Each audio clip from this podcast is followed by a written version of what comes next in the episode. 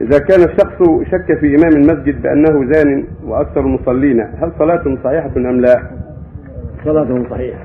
حتى ولو عرفوا أنه زان. هذا معصي معصية معصية لا تبطل الصلاة. لكن عليه أن ينصحوه ويوجهوه إلى الخير ويقول الخير ويلتمسون من القائم على المسجد ومن المسؤولين عن المسجد. أن يلتمسوا إماما صالح إذا كان هذا متهم بالزنا أو معروف بالزنا ما تاب عليهم على الجماعة أن يطلبوا من القائم على المسجد أو الأوقاف أن تغير هذا الإمام بإمام صالح. ظن صلاته صحيحة. لكن ينصحونه يوجهونه يستتيبونه يوجهونه إلى الخير. نعم.